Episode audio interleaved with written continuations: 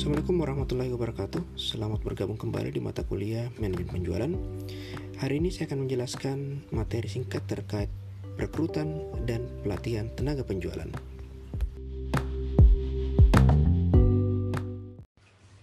Perusahaan yang sukses biasanya diisi oleh orang-orang yang memiliki kualifikasi pekerjaan yang baik. Nah, sebelum orang-orang tersebut mengisi sebuah lowongan dalam sebuah perusahaan, biasanya perusahaan harus mencari terlebih dahulu orang-orang yang tidak hanya memenuhi syarat untuk posisi dalam perusahaan mereka, namun juga orang-orang yang menginginkan pekerjaan. Sebuah organisasi memerlukan sejumlah tenaga kerja dalam usaha mewujudkan eksistensinya yang terarah pada pencapaian tujuannya. Nah, tenaga kerja tersebut berfungsi sebagai pelaksana pekerjaan yang menjadi tugas pokok organisasi. Setelah diadakan perencanaan SDM dan analisis serta klasifikasi pekerjaan, maka langkah yang dilakukan berikutnya adalah proses rekrutmen. Nah, rekrutmen merupakan proses mencari, menemukan, dan menarik pelamar untuk dipekerjakan dalam uh, suatu organisasi atau perusahaan. Tujuan rekrutmen adalah untuk mendapatkan persediaan sebanyak mungkin calon pelamar sehingga perusahaan akan punya kesempatan yang lebih besar untuk melakukan pilihan terhadap calon pekerja yang dianggap memiliki standar kualifikasi pekerjaan. Dalam manajemen penjualan, tenaga pekerja ini dikenal dengan istilah sales executive. Peran dari sales eksekutif ini adalah untuk menunjang perusahaan dalam melakukan kegiatan penjualan. Nah, penjualan sendiri merupakan bagian dari uh, manajemen pemasaran. Selain mempromosikan barang dan jasa, perusahaan juga membutuhkan kegiatan penjualan untuk uh, mengeluarkan barang yang mereka miliki dalam gudang sampai kepada tangan akhir konsumen. Di sinilah peran dari tenaga penjualan atau sales eksekutif. Adapun nama lain dari sales eksekutif, biasanya kita kenal dengan istilah sales engineer, account, account officer, kemudian ada detailman, ada sales representative, door-to-door salesman, dan sebagainya. Nah, ciri-ciri yang dimiliki oleh sales eksekutif ini adalah biasanya mereka punya kegiatan di lapangan. Artinya mayoritas waktu yang mereka gunakan adalah di lapangan untuk bertemu konsumen ataupun potensial bayar mereka. Yang kedua, mereka merupakan representasi dari perusahaan. Jadi ketika mereka turun ke lapangan, mereka mereka sebagai uh, perpanjang tangan dari perusahaan. Maka dari itu mereka harus bisa menjaga image dan nama baik perusahaan. Kemudian tanpa adanya pengawasan langsung dari pimpinan. Jadi self eksekutif biasanya diberikan kebiasaan untuk melakukan penjualan. Kemudian diberikan kewenangan dalam membelanjakan uang perusahaan asal e, pembelanjaan uang tersebut ini sesuai dengan tujuan perusahaan dan menunjang penjualan yang diinginkan oleh perusahaan. Kemudian e, ciri-ciri dari self eksekutif yang lain adalah orang-orang tersebut biasanya memiliki mental yang kuat. Mengapa? Karena biasanya banyak orang yang malas atau tidak mau diganggu uh, sehingga mereka biasa terkesan kasar tenaga, terhadap tenaga penjualan. Maka dari itu dibutuhkan mental yang kuat untuk uh, tenaga penjualan yang baik. Dan yang terakhir, seorang tenaga penjualan atau sales eksekutif ini biasanya memiliki personalitas yang baik. Tujuannya adalah untuk mendekati konsumen dengan cara persuasif ataupun untuk memunculkan image yang baik dari tenaga penjualan tersebut.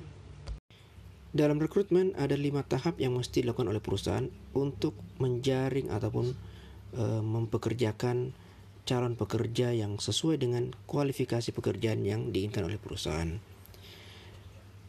Prosedur pertama ada yang disebut dengan analisis pekerjaan. Di sini berbicara bagaimana caranya perusahaan menentukan tugas-tugas yang akan dilakukan oleh tenaga penjualan. Kemudian tanggung jawab dari tenaga penjualan yang akan direkrut. Uh, Kemudian berbicara mengenai kualifikasi minimal dari tenaga penjualan yang dikehendaki, dan kondisi-kondisi khusus yang dibutuhkan dalam uh, rekrutmen tersebut. Misalnya kemampuan untuk berbahasa Inggris ataupun kemampuan untuk menguasai bahasa daerah tertentu. Nah, dalam uh, job analisis seorang manajer penjualan perlu memperhatikan area analisis. Artinya uh, dia harus mencari tahu ini nanti tenaga penjualannya ingin ditempatkan di daerah mana. Ini ada kaitannya dengan uh, penguasaan bahasa daerah tadi. Jika misalnya tenaga penjualan tersebut akan ditempatkan ke daerah yang mayoritas uh, konsumennya berbahasa Bugis, maka dibutuhkan kondisi-kondisi uh, khusus, syarat-syarat khusus dari tenaga penjualan yang menguasai bahasa Bugis untuk menunjang kegiatan penjualan mereka. Kemudian uh, manajer penjualan juga harus bisa men mengambil catatan catatan-catatan terkait kebutuhan-kebutuhan tenaga penjualan yang dibutuhkan oleh perusahaan. Dan yang ketiga, ini tenaga penjualan bisa bertanya langsung kepada konsumer atau customer utama mereka. Apa yang ditanyakan? Biasanya eh, tenaga penjualan seperti apa yang Bapak Ibu butuhkan atau Eh, sistem penjualan seperti apa yang Bapak Ibu butuhkan atau Ibu Bapak Ibu harapkan dari seorang tenaga penjualan atau sales eksekutif. Nah, inilah yang perlu diperhatikan oleh uh, sales manager dalam job analysis. Tahapan selanjutnya ada yang disebut dengan job description.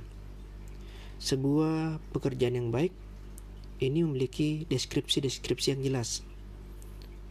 Adapun deskripsi yang dimaksud adalah dalam pekerjaan tersebut itu jelas kepada siapa tenaga penjualan tersebut akan bertanggung jawab. Kemudian jelas tugas dan tanggung jawab dari seorang tenaga penjualan. Kemudian yang ketiga, kepada siapa dan di mana mereka akan berinteraksi dalam melakukan kegiatan penjualan. Yang keempat, standar pekerjaan seperti apa yang dibutuhkan dalam kegiatan penjualan biasanya kita berbicara mengenai unit penjualan. Sebagai contoh misalnya, seorang tenaga penjualan yang baik ini harus bisa mencapai target mampu menjual 5 unit mobil dalam satu bulan. Nah yang kelima, job description-nya harus memiliki keuntungan teknikal, kemudian mampu berbicara uh, ekonomi uh, dari sebuah produk. Artinya dalam job description tersebut ini selain menentukan tugas dan tanggung jawab juga menjelaskan manfaat yang akan diterima dari tenaga penjualan. Apakah berbicara mengenai sistem balas jasa, finansial atau non finansial. Itulah uh, yang mesti diperhatikan dalam uh, job description sebuah pekerjaan. Yang ketiga kita berbicara mengenai job qualification atau kualifikasi pekerjaan. Kualifikasi pekerjaan yang bagus adalah kualifikasi yang jelas. Misalnya kita membutuhkan tenaga penjualan. Ya harus diperjelas kita butuh tenaga penjualan yang memiliki kualifikasi apa. Latar belakang pendidikan seperti apa ataupun mungkin berbicara mengenai pengalaman. Nah, di sini harus jelas jika kita ingin merekrut tenaga penjualan eh, yang berkualitas, maka ada standar yang mesti dipenuhi. Misalnya, latar belakang pendidikan minimal S1, kemudian memiliki pengalaman di bidang penjualan selama kurang lebih 2 tahun.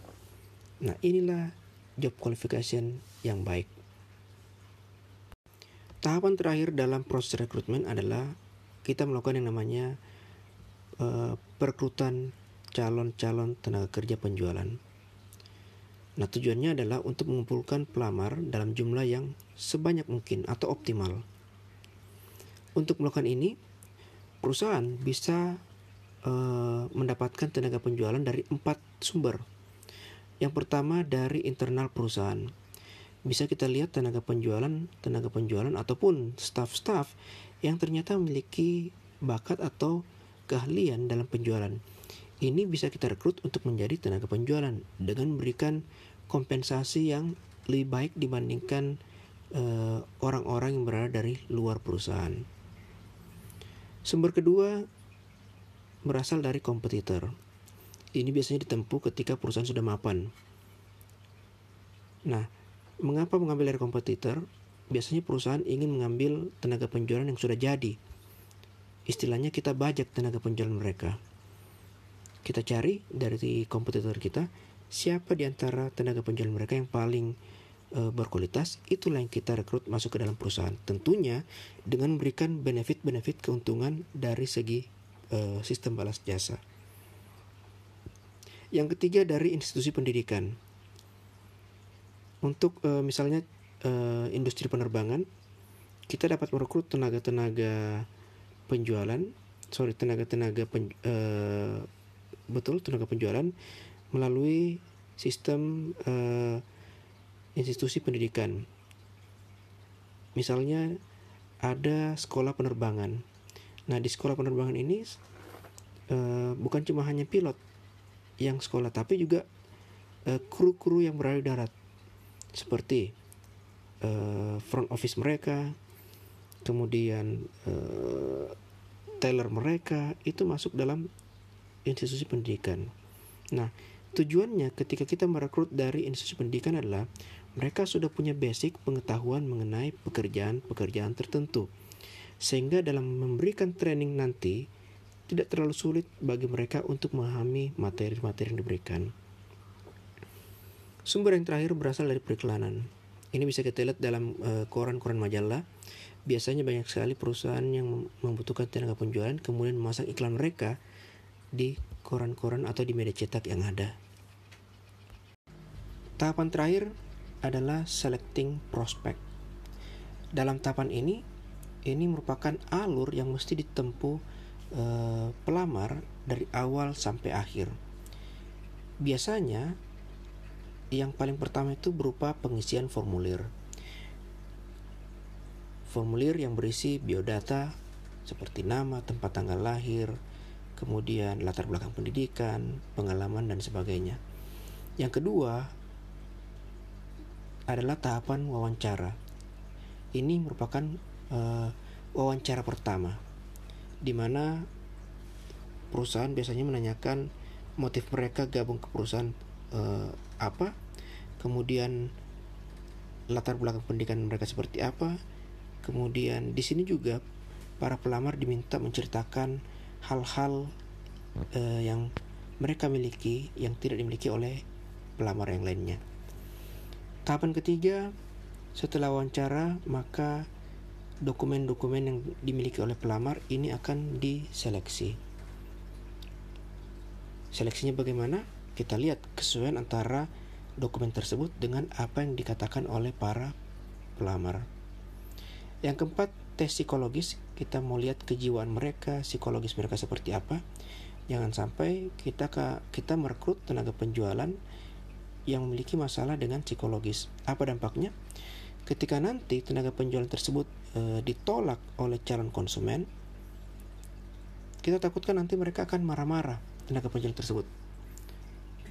Nah, ketika mereka marah-marah, otomatis akan membuat image perusahaan akan jelek. Maka dibutuhkan pelamar dengan e, tes psikologis yang terbaik. Jika lolos dari tahapan tes psikologis, maka tahapan selanjutnya adalah pemeriksaan kesehatan. Dan tahapan terakhir adalah wawancara kedua. Di sini eh, perusahaan menawarkan jabatan dan balas jasa kepada pelamar. Di sini terjadi proses eh, proses tawar menawar terkait balas jasa.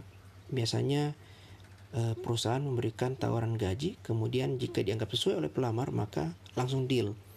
Tapi jika dianggap tidak sesuai maka biasanya pelamar akan meminta kenaikan terkait balas jasa yang akan diberikan kepadanya ketika dia bekerja di perusahaan tersebut. Setelah kita merekrut tenaga penjualan yang kita kendaki, maka tahapan selanjutnya adalah kita memberikan pelatihan atau training kepada tenaga penjualan yang baru tersebut. Tujuannya adalah e, untuk mengurangi keluhan pelanggan. Mengapa keluhan pelanggan? Karena biasanya ada keluhan-keluhan pelanggan yang tidak mampu dipahami oleh tenaga penjualan. Oleh karena itu, dengan pemberian training, diharapkan kita memberikan pengetahuan kepada tenaga penjualan terkait masalah-masalah apa yang akan dihadapi oleh konsumen dan bagaimana cara memberikan solusi dari masalah tersebut. Kemudian uh, untuk mengurangi rasa frustasi dari sales eksekutif merupakan hal yang wajar ketika seorang yang baru masuk ke dalam sebuah perusahaan ini merasa aneh, merasa frustasi. Mengapa? Karena dia harus beradaptasi dan juga dia harus mengetahui apa yang mesti dilakukan dalam perusahaan tersebut. Kemudian yang ketiga, untuk meningkatkan moral dan rasa percaya diri dari tenaga penjualan tersebut, maka diberikanlah mereka pelatihan-pelatihan. Nah, pelatihan-pelatihan tersebut biasanya memiliki topik. Topik-topik yang dibahas dalam pelatihan tersebut antara lain mengenai pengetahuan tentang sebuah produk, tentunya produk yang akan ditawarkan kepada konsumen seperti apa, desain seperti apa, fiturnya seperti apa, dan sebagainya. Kemudian topik lain yang dibahas biasanya uh, mark, uh, berbicara mengenai market industry orientation atau industri pasar seperti apa. Kita lihat pasar kita di uh, di dalam bisnis ini siapa saja kompetitor kita. Kemudian apa yang dilakukan oleh kompetitor? Nah ini yang mesti diberikan pengetahuan kepada tenaga penjualan. Kemudian yang ketiga, company orientation atau orientasi perusahaan. Kita bicara mengenai visi misi perusahaan. Dan ini penting diberikan kepada tenaga penjualan agar ketika mereka melakukan uh, kegiatan penjualan itu sesuai dengan visi dan misi penjualan. Kemudian sebagai tenaga penjualan mereka harus memiliki yang namanya teknik penjualan. Teknik penjualan kalau dalam tenaga penjualan bisa biasanya e, berbentuk komunikasi secara persuasif. Bagaimana caranya kita membujuk konsumen atau potential buyer untuk membeli dan menggunakan produk yang kita tawarkan. Kemudian e, ada topik-topik lain di layar di luar keempat topik-topik yang ada sebelumnya. Dalam memberikan pelatihan ada dua hal yang mesti diperhatikan oleh perusahaan yang pertama kita berbicara mengenai waktu dan kedua tempat. Waktu di sini kita berbicara mengenai kapan sebaiknya kita memberikan pelatihan kepada tenaga penjualan. Nah, secara umum biasanya ketika perusahaan baru selesai merekrut tenaga penjualan, mereka memberikan pelatihan di awal ketika eh, tenaga penjualan tersebut bergabung. Tetapi ada juga perusahaan yang melakukan pelatihan di akhir dan juga di tengah. Di akhir dan di tengah maksudnya di sini adalah di akhir dan di tengah sebuah periode. Misalnya dari tahun 2021 dari Januari sampai Desember mereka memberikan pelatihan pada bulan Januari sebagai bekal bagi tenaga penjualan. Kemudian memberikan lagi pelatihan di bulan uh, Juli untuk melihat bagaimana perkembangan dari uh, proses pelatihan di bulan Januari. Kemudian perusahaan memberikan lagi pelatihan di akhir tahun di Desember. Tujuannya adalah untuk melihat apakah uh, dari Januari sampai Desember tenaga penjualan ini berhasil mencapai target mereka berdasarkan materi-materi yang diberikan atau tidak. Itu berdasarkan waktu. Kemudian yang kedua, tempat Pelatihan bisa dilakukan dengan dua cara, yaitu dalam lingkungan perusahaan sendiri, in-house, atau di luar perusahaan. Nah, ada dua ada keuntungan dan kerugian ketika memiliki um, melakukan pelatihan in-house. Jika melakukan eh, pelatihan secara in-house atau dalam perusahaan, maka perusahaan bisa menghemat pengeluaran. Tetapi kekurangannya adalah perusahaan uh, sorry uh, tenaga penjualan merasa bosan karena mereka menghadapi kondisi-kondisi yang sama dan itu terus mereka hadapi. Tidak ada hal-hal baru dalam pelatihan yang mereka dapatkan. Nah, ini bisa ditutupi dengan memberikan pelatihan outdoor atau di luar perusahaan. Bisa memberikan pelatihan misalnya di daerah lain. Tujuannya adalah memberikan kesempatan kepada tenaga penjualan uh, selain ikuti pelatihan mereka juga uh, mengalami mengikuti yang namanya proses uh, beradaptasi dengan lingkungan yang baru. Nah, itu dua hal yang mesti diperhatikan dalam penyusunan uh, program pelatihan. Terkait pemberian metode, ada empat biasanya yang diberikan kepada pegawai-pegawai baru dalam metode pelatihan. Yang pertama itu metode ceramah, lecturing, memberikan materi uh, seperti di kelas-kelas. Kemudian yang kedua berupa diskusi, diskusi terkait masalah-masalah yang dihadapi oleh perusahaan. Yang ketiga role playing, di sini bermain peran. Ada tenaga penjualan yang berperan sebagai penjual dan ada tenaga penjualan yang berperan sebagai uh, pembeli. Dan terakhir ada simulation games. Di sini kita mensimulasikan uh, bagaimana misalnya ketika tenaga penjualan menghadapi situasi-situasi tertentu di luar uh, bagaimana cara menghadapi pelanggan. Setelah kita memberikan pelatihan, maka langkah terakhir adalah perusahaan melakukan evaluasi dari pelatihan tersebut untuk melihat apakah pelatihan diberikan selama ini efektif atau tidak. Ada dua cara yang bisa dilakukan untuk melakukan evaluasi, yaitu ketika di awal program pelatihan dilaksanakan, dan kedua, beberapa bulan setelah pelatihan dilaksanakan. Tujuannya eh, ketika memberikan uh, evaluasi di beberapa bulan setelah pelatihan adalah untuk melihat bagaimanakah pemahaman tenaga penjualan terkait materi-materi yang diberikan dalam pelatihan tersebut. Nah, inilah dua uh, cara yang bisa dilakukan oleh perusahaan terkait mengevaluasi kegiatan pelatihan oleh perusahaan.